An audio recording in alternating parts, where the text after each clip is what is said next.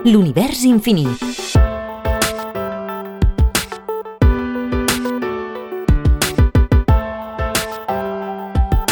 Agrupació Astronòmica de Sabadell. Wang Zheni i el funcionament dels eclipsis. Wang Zheni va ser una famosa astrònoma de la dinastia Qing, l'última dinastia imperial de la Xina. Va estudiar els eclipsis lunars fent servir models construïts al jardí de casa seva. Una taula rodona feia de terra, penjava una làmpada de vidre al sostre que feia de sol i col·locava un mirall que feia de lluna a l'altre costat. A partir dels moviments dels tres cossos regits pels principis astronòmics, va aconseguir fer observacions molt encertades. Va néixer el 1768. Ja de petita era molt intel·ligent i li agradava molt llegir.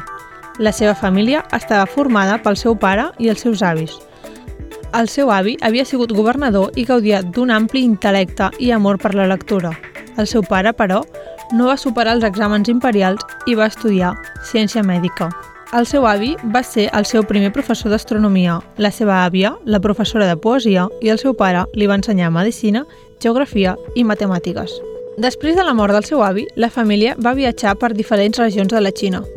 Durant aquest període de temps, Wang Cheng es va enriquir del coneixement que li proporcionaven els llibres del seu avi, així com es va instruir en arts marcials i en tir a Mart.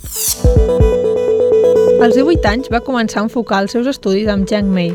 Va guanyar tal fama en poesia i en els seus coneixements en matemàtiques que va arribar a fer de professora d'estudiants, però només masculins.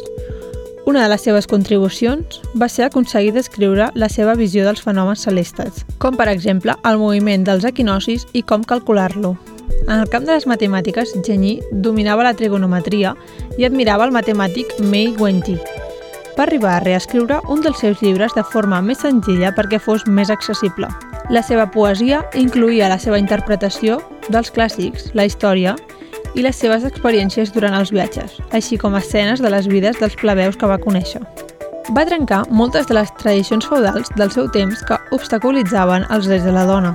Al llarg de la seva vida va escriure 12 llibres d'astronomia i matemàtiques. Va morir el 1797 als 29 anys, sense deixar descendència. El 1994, la Unió Astronòmica Internacional va decidir posar el seu nom a un dels cràters de Venus.